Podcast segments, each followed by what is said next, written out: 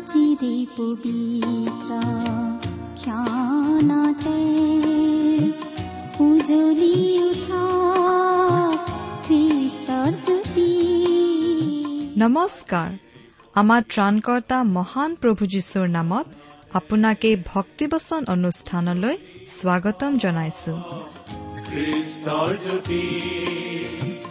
আকাশ বতাহ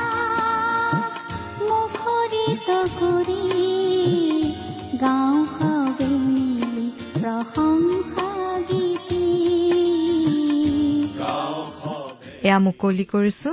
ঈশ্বৰৰ জীৱিত বাক্যৰ ধাৰাবাহিক অনুষ্ঠান ভক্তি বচন।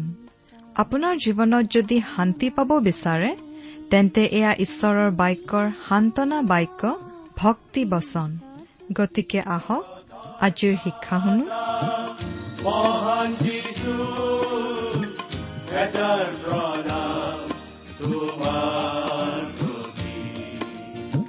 গ্ৰহণ কৰাই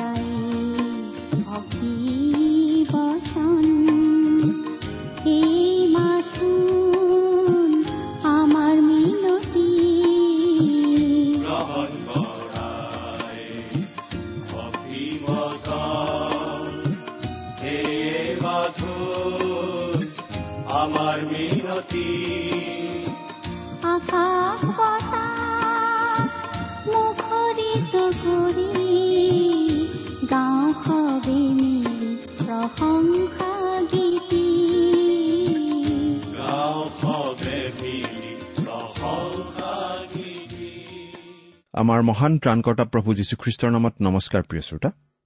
আশা কৰো আপুনি আমাৰ মহান পিতা পৰমেশ্বৰৰ মহান অনুগ্ৰহত ভালে কুশলে আছে। আপুনি বাৰু আমাৰ এই ভক্তিপচন অনুষ্ঠানটো নিয়মিতভাৱে শুনি আছেনে? প্ৰিয় শ্ৰোতা বহুতো শ্ৰোতাৰ পৰা আমি চিঠি পত্ৰ পাই থাকোঁ আৰু বহুতেই এই অনুষ্ঠান শুনি ভাল পোৱা বুলি উপকৃত হোৱা বুলি আমাক জনায়। আৰু তেনেকুৱা চিঠিবোৰ পালে আমি কাম কৰি যাবলৈ দুগুণ উৎসাহ পাওঁ। আপুনি বাৰু আমালৈ তেনেদৰে চিঠি পত্ৰ লিখি থাকেনে? অনুগ্ৰহ কৰি আজি এই দুখাৰিমান লিখি পঠিয়াবচোন। এই অনুষ্ঠান যোগেৰে আমি প্ৰচাৰ কৰা কোনো কথা অধিককৈ বুজিবলগীয়া থাকিলেও আমালৈ লিখিব পাৰে। আমাৰ ঠিকনা ভক্তিবচন টি ডব্লিউ আৰ ইণ্ডিয়া ডাক বাকচ নম্বৰ সাত শূন্য গুৱাহাটী সাত আঠ এক শূন্য শূন্য এক। ভক্তিবচন টি ডব্লিউ আৰ ইণ্ডিয়া ডাক বাকচ নম্বৰ সাত শূন্য গুৱাহাটী সাত আঠ এক শূন্য শূন্য এক। আমাৰ website W W W dot radio' eight eight two dot com প্ৰিয় শ্ৰোতা আপুনি বাৰু এই অনুষ্ঠানটো নিয়মিতভাৱে শুনি আছেনে? যদিহে শুনি আছে তেনেহলে আপুনি এই কথাটো নিশ্চয় জানে যে আমি এতিয়া বাইবেলৰ পুৰণি নিয়ম খণ্ডৰ ছফনীয়া ভাৱবাদীৰ পুস্তক নামৰ পুস্তকখন অধ্যয়ন কৰিবলৈ লৈছো। নহয় জানো? যোৱা অনুষ্ঠানত এই ছফনীয়া পুস্তকখনৰ এক নম্বৰ অধ্যায়ৰ এক নম্বৰ পদৰ পৰা চাৰি নম্বৰ পদলৈকে আমাৰ আলোচনা আগবঢ়াইছিলো। গতিকে আজি আমি ছফনীয়া পুস্তকৰ এক নম্বৰ অধ্যায়ৰ পাঁচ নম্বৰ পদৰ পৰা আমাৰ আলোচনা আগবঢ়াই নিব খুজিছো। এই ছফনীয়া পুস্তকখন এখন ভাৱবাণীমূলক পুস্তক আৰু ভৱিষ্যতে ঘটিবলগীয়া কিছুমান কথা ইয়াত জনাই দিয়া হৈছে। তাৰে কিছুমান ঘটি গ'ল আৰু কিছুমান ঘটনা এতিয়াও ঘটিবলগীয়া অৱস্থাত আছে সেইবোৰ ভৱিষ্যতে ঘটিব। আজি আমাৰ বাবে এই পুস্তকৰ যোগেৰে ঈশ্বৰে শিকাবলগীয়া কথা বহুত আছে আমি ঈশ্বৰৰ পৰা শিকিবলগীয়া বহুত কথা ইয়াত বিচাৰি পাওঁ। সেয়া আহক আমি আলোচনাৰ বাবে আগবাঢ়ি যাওঁ। আপুনি আপোনাৰ বাইবেলখন মেলি লৈছে বোধ কৰোঁ। বাইবেলৰ পুৰণি নিয়ম খণ্ডৰ এহেজাৰ পোন্ধৰ নম্বৰ পৃষ্ঠাত এই ছফনীয়া ভাৱবাদীৰ পুস্তকখন আছে। ঠিক হবকুক ভাৱবাদীৰ পুস্তকৰ পাছতেই। কিন্তু আহকচোন। আজিৰ অধ্যয়ন আৰম্ভ কৰাৰ আগতে খন্তেক প্ৰাৰ্থনাত মোৰ উন্নত কৰোঁ হওক। প্ৰাৰ্থনা কৰোঁ। আমাৰ স্বৰ্গত থকা মৰমীয়াল পিতৃ ঈশ্বৰ তোমাক ধন্যবাদ জনাওঁ। কাৰণ তোমাৰ মহান বাক্য বাইবেল শাস্ত্ৰ অধ্যয়ন কৰিবলৈ তুমি আমাক আকৌ এটা সুযোগ দান কৰিছা। তোমাক শতকোটিবাৰ ধন্যবাদ জনাইছো। কাৰণ তুমি আমালৈ তোমাৰ প্ৰেমৰ প্ৰমাণ দি তোমাৰ একেজাত পুত্ৰ যীশুখ্ৰীষ্টৰ জৰিয়তে আমালৈ অনন্ত জীৱনৰ আশীৰ্বাদ বিনামূল্যে আগবঢ়াইছা। এতিয়া আহা পিতা তোমাৰ বাক্য তুমিয়েই আমাক বুজাই দিয়া। আমাৰ মৰমৰ শ্ৰোতাসকলক তুমি উপচি পৰাকৈ আশীৰ্বাদ কৰা। তেওঁলোকৰ সকলো প্ৰয়োজনৰ কথা তুমিহে ভালদৰে জানা আৰু সেই সকলোবিলাক তুমিয়েই পূৰণ কৰা। কিয়নো এই প্ৰাৰ্থনা আমাৰ মহান ত্ৰাণকৰ্তা মৃত্যুঞ্জয় প্ৰভু যীশুখ্ৰীষ্টৰ নামত আগবঢ়াইছো। আমেন।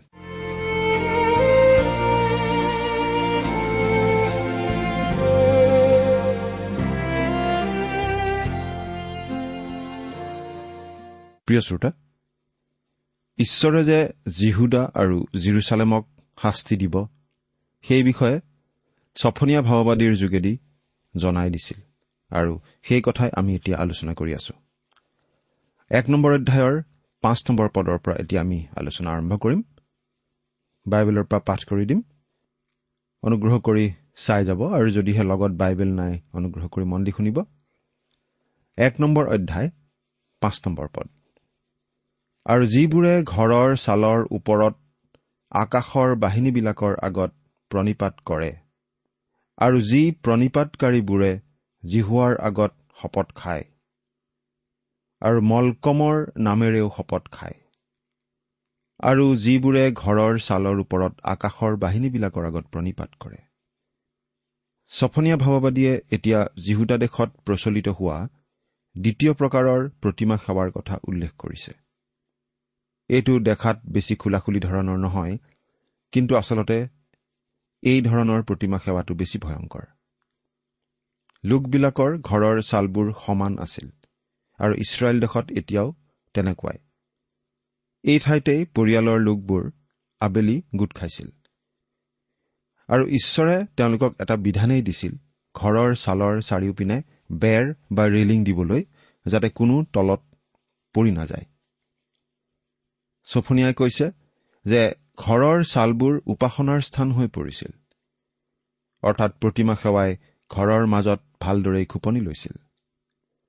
গতিকে আমি অনুমান কৰিব পাৰোঁ যে প্ৰতিটো ঘৰেই একো একোটা পৰজাতীয় মন্দিৰ যেন হৈ পৰিছিল য'ত প্ৰতিমা সেৱা অবাধে চলিছিল। অৰ্থাৎ প্ৰতিমা সেৱাই সেই যিহুদী লোকসকলৰ ঘৰবোৰ ভালদৰে গ্ৰাস কৰি পেলাইছিল। যিবোৰে আকাশৰ বাহিনীবিলাকৰ আগত প্ৰণিপাত কৰে অৰ্থাৎ সূৰ্য চন্দ্ৰ তৰা আদি। এই কামটো আছিল সৃষ্টিকৰ্তাক এৰি সৃষ্ট বস্তুক উপাসনা কৰা কাৰ্য। তেওঁলোকে সৃষ্টিকৰ্তাক সেৱা উপাসনা কৰিবলৈ এৰি নিৰ্মিত বস্তুবোৰৰহে সেৱা উপাসনা কৰিবলৈ আৰম্ভ কৰিছিল। তেওঁলোকে গ্ৰহণ কৰা এইটো দ্বিতীয় ধৰণৰ প্ৰতিমা সেৱা আছিল। সকলোতকৈ ভয়ংকৰ সকলোতকৈ আধুনিক কিন্তু চকুত নপৰা ধৰণৰ প্ৰতিমা সেৱাৰ কথাটো তাৰ পাছতেই উল্লেখ কৰা হৈছে। যি প্ৰণিপাতকাৰীসকলে জিহুৱাৰ আগত শপত খায় আৰু মলকমৰ নামেৰেও শপত খায়। মলকম আচলতে মোলেকৰ এটা নাম। মোলেক হৈছে অমুনীয়াবিলাকৰ দেৱতা। এই দেৱতাৰ পূজাত তেওঁলোকে নিজৰ সন্তানবোৰক উচৰ্গা কৰিছিল।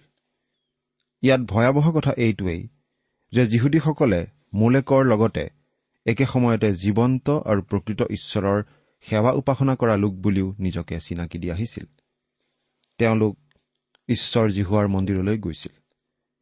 তেওঁলোকে প্ৰকৃত ঈশ্বৰক জনা বুলি কৈছিল।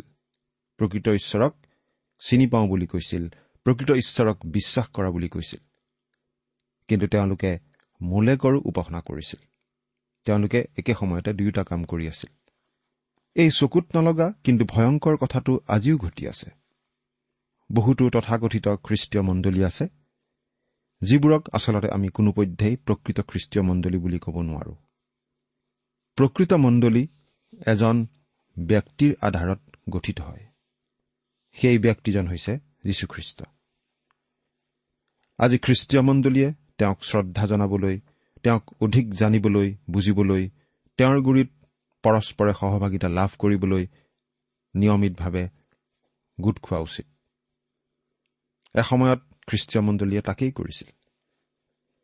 আদিমণ্ডলীয়ে যি যি কৰিছিল সেই সকলোবোৰে গীৰ্জালৈকে আঙুলিয়াইছিল আপুনি বাৰু এনেকুৱা মণ্ডলী পাইছেনে য'ত খ্ৰীষ্টৰ কথা প্ৰায়ে উল্লেখ কৰাই নহয়? উল্লেখ কৰিলেও অৱহেলাৰ ভাৱ এটাহে প্ৰকাশ পায়। কিন্তু এনেকুৱা মণ্ডলীও আছে। এনেকুৱা কিছুমান মণ্ডলী আছে য'ত যীশুখ্ৰীষ্টৰ ঐশ্বৰিকতাৰ বিষয়টো অৱহেলা কৰা হয়। তেওঁ যে ঈশ্বৰ সেই কথাটো তেনেকুৱা মণ্ডলীবিলাকে অস্বীকাৰ কৰে। তেওঁলোকে আচলতে তেওঁৰ উপাসনা নকৰে মুখেৰেহে কৰে। তেওঁলোকে খ্ৰীষ্টৰ উপদেশ আদিৰ কথা কয়। তেওঁ যে কিমান মহান ব্যক্তি আছিল সেই কথা কয়। তেওঁলোকে আনকি তেওঁক ছুপাৰষ্টাৰ বুলিও কয়।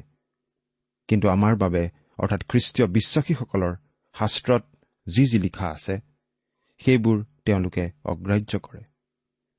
এয়া আচলতে এটা ভণ্ডামী খ্ৰীষ্টীয় বিশ্বাসৰ এটা ভণ্ড ৰূপহে। এনেকুৱা ধৰণৰ গোপন তথা চকুত নপৰা ধৰণৰ প্ৰতিমা সেৱা সেই সময়ত জিহুদা দেশত প্ৰচলিত হ'ব ধৰিছিল। মানুহবিলাকে বিভিন্ন ৰীতি নীতি আদি পালন কৰি গৈছিল। বিশ্ৰামবাৰে তেওঁলোক মন্দিৰলৈও গৈছিল। অৱশ্যে আন সময়ত আহিছিল বুলি আমাৰ মনে নধৰে। কিন্তু বিশ্ৰামবাৰে অন্ততঃ তেওঁলোক মন্দিৰলৈ আহিছিল। কিন্তু আচলতে তেওঁলোকে মোলেক দেৱতাকহে উপাসনা কৰিছিল। সেই মোলেক আছিল মাংসিকতাৰ দেৱতা। আৰু সেই উপাসনাও আছিল মাংসিকতাৰ কাৰ্য। আৰু তাত জঘন্য অনৈতিক কাৰ্যবোৰ ঘটিছিল। ঠিক একেদৰে আজিও গীৰ্জালৈ যোৱা অনেক মানুহ আছে কিন্তু তেনে মানুহবিলাকৰ কাৰ্যকলাপ খ্ৰীষ্টীয় বিশ্বাসৰ নহয়। তেওঁলোকৰ খ্ৰীষ্টীয় আচৰণ নাই। তেওঁলোকে গীৰ্জাত যোগ দিবহে জানে। তেওঁলোকে খ্ৰীষ্টীয় বিশ্বাসৰ মহান সত্যবোৰকেই অস্বীকাৰ কৰে। তেওঁলোকে অনৈতিক আচৰণ কৰে আৰু ঈশ্বৰৰ বাক্যৰ বিৰোধী আচৰণ কৰে। সেই সময়ৰ যীহুদা দেশৰ মানুহৰ তেনেকুৱাই অৱস্থা আছিল। আমাৰ আজিৰ দিনৰ ক'ব নোৱাৰাকৈ চলি থকা ভ্ৰান্ত অৱস্থাও এনেধৰণৰ। বহুতো মানুহে ভাবি থাকে এটা ঘৰত যদি ষ্টিপল এটা থাকে ধুনীয়া অৰ্গেন এটা থাকে বিয়াৰ কাৰণে ধুনীয়া ঠাই অকণ থাকে সন্মুখত এটা ধুনীয়া পুলপিত থাকে গায়ক দল বহিবলৈ সুন্দৰ ঠাই থাকে তেতিয়াই এটা সুন্দৰ গীৰ্জাঘৰ হয়। কিন্তু সেই সকলোবোৰ থকা স্বত্তেও তেনেকুৱা ঘৰ এটা চহৰৰ আটাইতকৈ জঘন্য ঠাই হ'ব পাৰে। চহৰৰ যিকোনো মদৰ দোকান জোৱাৰ আড্ডা নাইবা বেশ্যালয়তকৈও বেয়া হ'ব পাৰে। সেইবাবে এই কথাটো চকুত নপৰা ধৰণে ভয়াৱহ। যীহুদা দেশৰ পতন ঘটোৱা বিষয়টো এয়ে আছিল যে তেওঁলোকে জীৱন্ত আৰু প্ৰকৃত ঈশ্বৰৰ সেৱা কৰি থকাৰ অভিনয়হে কৰিছিল কিন্তু তেওঁলোকে মোলেক দেৱতাৰ সেৱা উপাসনাতহে মত্ত আছিল। এতিয়া পাঠ কৰি দিম। ছয় নম্বৰ পদটো।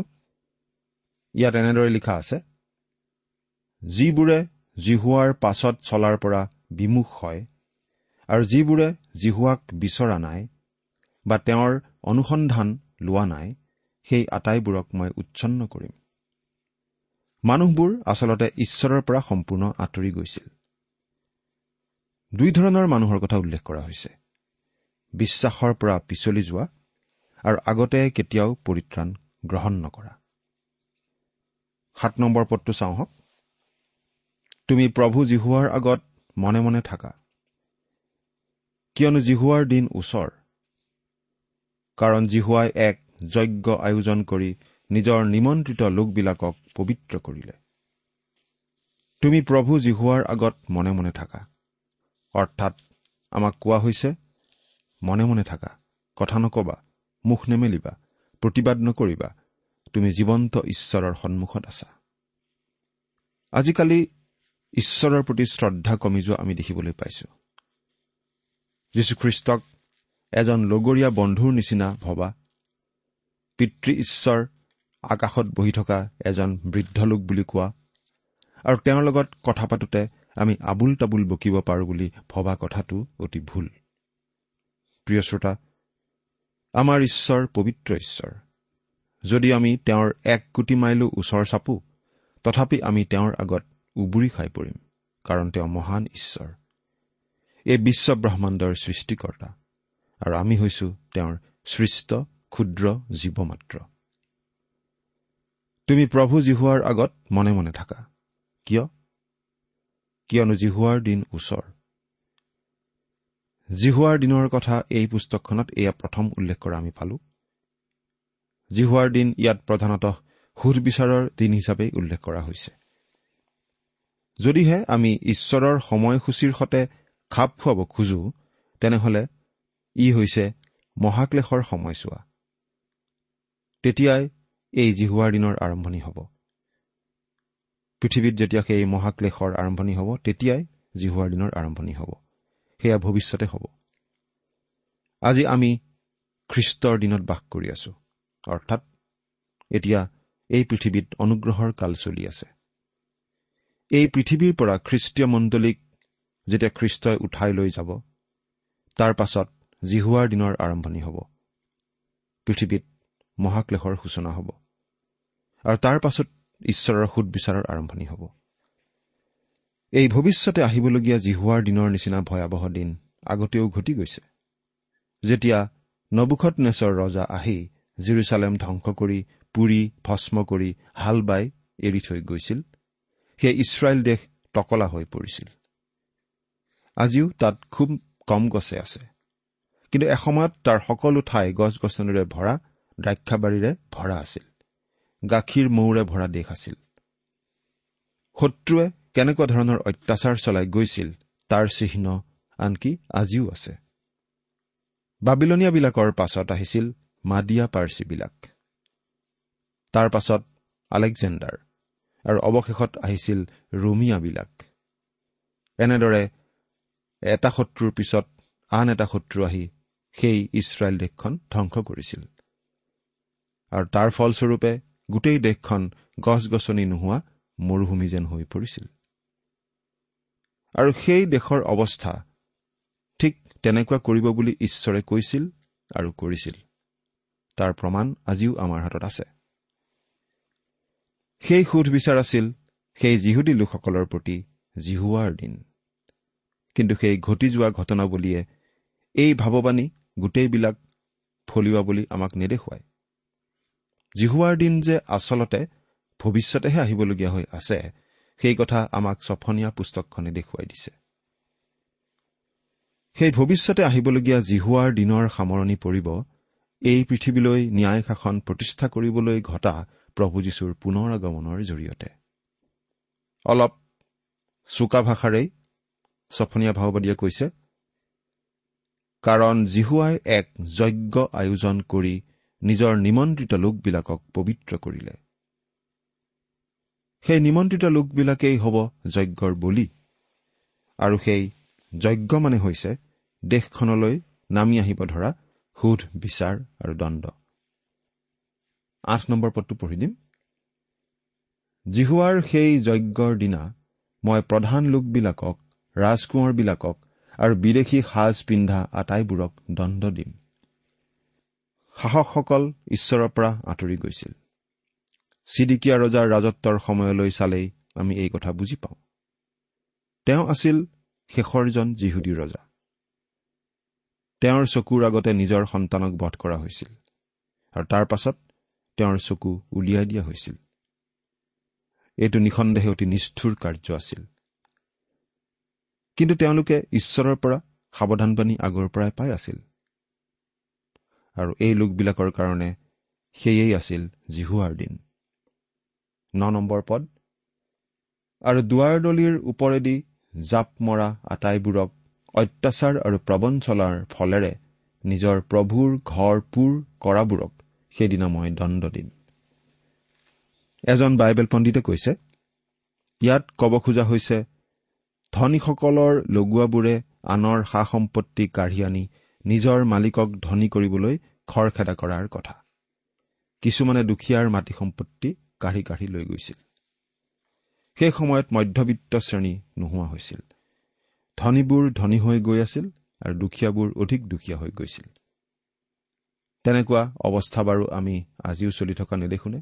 দুখীয়াসকলৰ অৱস্থা দিনে দিনে বেয়া হৈ যোৱাটো? ঈশ্বৰে কৈছে তেওঁ তেনে লোকক দণ্ড বিহিব। দহ নম্বৰ পদ। জিহুৱাই কৈছে সেইদিনা মৎস্য দুৱাৰৰ পৰা চিঞৰি কন্দাৰ শব্দ আৰু দ্বিতীয় খণ্ডৰ পৰা হাহাকাৰৰ আৰু পৰ্বতবোৰৰ পৰা মহা ভাঙৰ শব্দ হ'ব। জিহুৱাই কৈছে সেইদিনা অৰ্থাৎ জিহুৱাৰ দিন যেতিয়া আহিব তেতিয়া। মৎস্য দুৱাৰৰ পৰা চিঞৰি কন্দাৰ শব্দ। সেই মৎস্য দুৱাৰক আজিকালি দম্মেচক দুৱাৰ বুলি জনা যায়। এই দুৱাৰেৰে গালিল সাগৰ আৰু জৰ্দন নৈৰ পৰা তেওঁলোকে মাছ আনিছিল। এই দুৱাৰখন জিৰচালেমৰ উত্তৰ পিনে অৱস্থিত। দ্বিতীয় খণ্ডৰ পৰা হাহাকাৰৰ আৰু পৰ্বতবোৰৰ পৰা মহাভাঙৰ শব্দ হ'ব। জিৰচালেম নগৰখন পৰ্বতেৰে ঘেৰা। ছফনিয়াই এই কথা কৈছে যে যিকোনো দিশলৈ চালেই মানুহবিলাকে হাহাকাৰ কৰি ক্ৰদন কৰাহে শুনা যাব। যেতিয়া মানুহবোৰৰ ওপৰলৈ সুদবিচাৰ দণ্ড নামি আহিব। এঘাৰ নম্বৰ পদ। হে মক্টেচ নিবাসীবিলাক তোমালোকে হাহাকাৰ কৰা। কিয়নো আটাই কণানীয়া জাতি নষ্ট হ'ল ৰূপ বৈ অনা আটাইবোৰ উচ্ছন্ন হ'ল। মক্টেচ মানে চূণ চুৰকি ইটা আদি গাঁঠিবলৈ ব্যৱহাৰ কৰা সামগ্ৰী। জিৰচালেমৰ বজাৰ বহা ঠাইখিনি অলপ দ আছিল। ৰূপ বৈ অনা আটাইবোৰ উচ্ছন্ন হ'ল। বাৰ নম্বৰ পদ সেই সময়ত মই চাকি লগাই জিৰচালেমক বিচাৰিম আৰু নিজৰ গেদৰ ওপৰত সুস্থিৰে বহা মানুহবোৰক জিহুৱাই ভাল কি বেয়াও নকৰিব বুলি মনতে কোৱাবোৰক দণ্ড দিম। সেই সময়ত মই চাকি লগাই জিৰচালেমক বিচাৰিম অৰ্থাৎ আন্ধাৰত লুকাই থকা কোনো অপৰাধীক চাৰ্চ লাইট জ্বলাই বিচাৰি ফুৰাৰ নিচিনা কথা।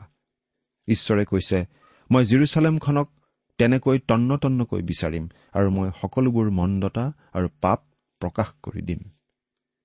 নিজৰ গেদৰ ওপৰত সুস্থিৰে বহা মানুহবোৰক। ইয়াৰ অৰ্থটো এনেকুৱা ধৰণৰ যে নিৰ্বিকাৰভাৱে কোনো চিন্তা নকৰাকৈ আৰামত থকা মানুহবোৰক। সেই মানুহবোৰে কথাবিলাক অতি সহজভাৱে লৈছিল। তেওঁলোক ভোগবিলাসৰ সমাজত বাস কৰা লোক আছিল। তেওঁলোকলৈ সুধ বিচাৰ আহিব বুলি তেওঁলোকে কেতিয়াও ভবা নাছিল। যেনেকৈ আজিৰ মানুহেও নাভাবে। আজিৰ মানুহেও এই কথা চিন্তা নকৰে যে আমাক গোটেই দেশ তথা জাতিক ঈশ্বৰে সুধ বিচাৰ কৰিব। জিহুৱাই ভাল কি বেয়াও নকৰিব বুলি মনতে কোৱাবোৰক। অৰ্থাৎ সেই মানুহবোৰে কৈছিল ঈশ্বৰে একো নকৰে ঈশ্বৰ নিষ্ক্ৰিয় হৈ বহি আছে। আৰু ভৱিষ্যতেও ঈশ্বৰে একো নকৰে। আপোনাৰ নিশ্চয় মনত আছে হবকুক ভাৱবাদীয়ে সুধিছিল প্ৰভু তুমি এই পাপ মন্দতাৰ বিষয়ে কিয় একো ব্যৱস্থা হাতত লোৱা নাই? তুমি একো নকৰা কিয়? তাৰ উত্তৰ ঈশ্বৰে দিছিল এই বুলি। মই কৰিব লগাখিনি কৰি আছো। আৰু যেতিয়া হবকুকক ঈশ্বৰে দেখুৱাইছিল তেওঁ কি কৰিবলৈ ধৰিছে? তেতিয়া হবকুকে মানুহবোৰৰ প্ৰতি ঈশ্বৰৰ কৰুণা ভিক্ষা কৰিবলৈ ধৰিছিল। বহুতো মানুহে কয় মই ঈশ্বৰৰ কথা নাভাবোৱেই। তেওঁ একো ভালো নকৰে একো বেয়াও নকৰে। তেওঁলোক ঈশ্বৰ বিষয়ক কথাত একেবাৰে নিষ্ক্ৰিয় আৰু পক্ষহীন। তেনে মানুহৰ পৰাই কোনো কোনোৱে কবলৈ ধৰে ঈশ্বৰ মৰি গ'ল বুলি। আমাৰ নিচিনা ভোগবিলাসত দিন কটোৱা মানুহৰ সমাজৰ পৰাহে তেনে চিন্তাধাৰা উদ্ভৱ হোৱাটো সম্ভৱ। কাৰণ আজিৰ মানুহে এই বুলি কয় আমাৰ বাবে ঈশ্বৰৰ কোনো প্ৰয়োজন নাই। আজিৰ মানুহে ভাবি থাকে ঈশ্বৰৰ কোনো কাম নাই।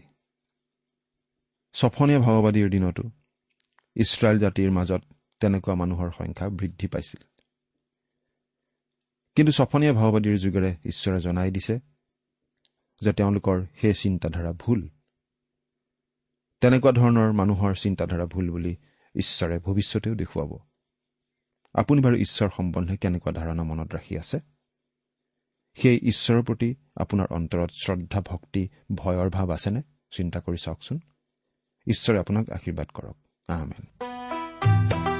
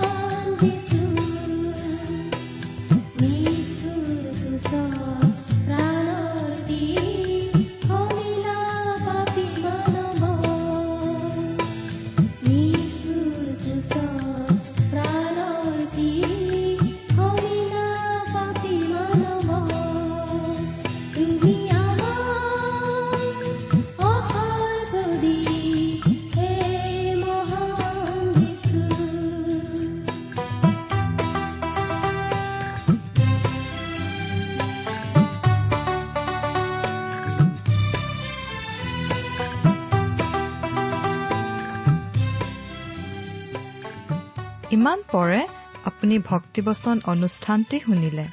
এই বিষয়ে আপোনাৰ মতামত জানিবলৈ পালে আমি নথৈ আনন্দিত হ'ম। আমি প্ৰস্তুত কৰা বাইবেল অধ্যয়নৰ আন চিডিসমূহ পাব বিচাৰিলেও আমালৈ লিখক। অনুষ্ঠানটি শুনি কেনে পালে আমালৈ চিঠি লিখি জনাবচোন? অনুষ্ঠানত প্ৰচাৰ কৰা কোনো কথা বুজিব লগা থাকিলেও আমালৈ লিখক। আমাৰ ঠিকনা?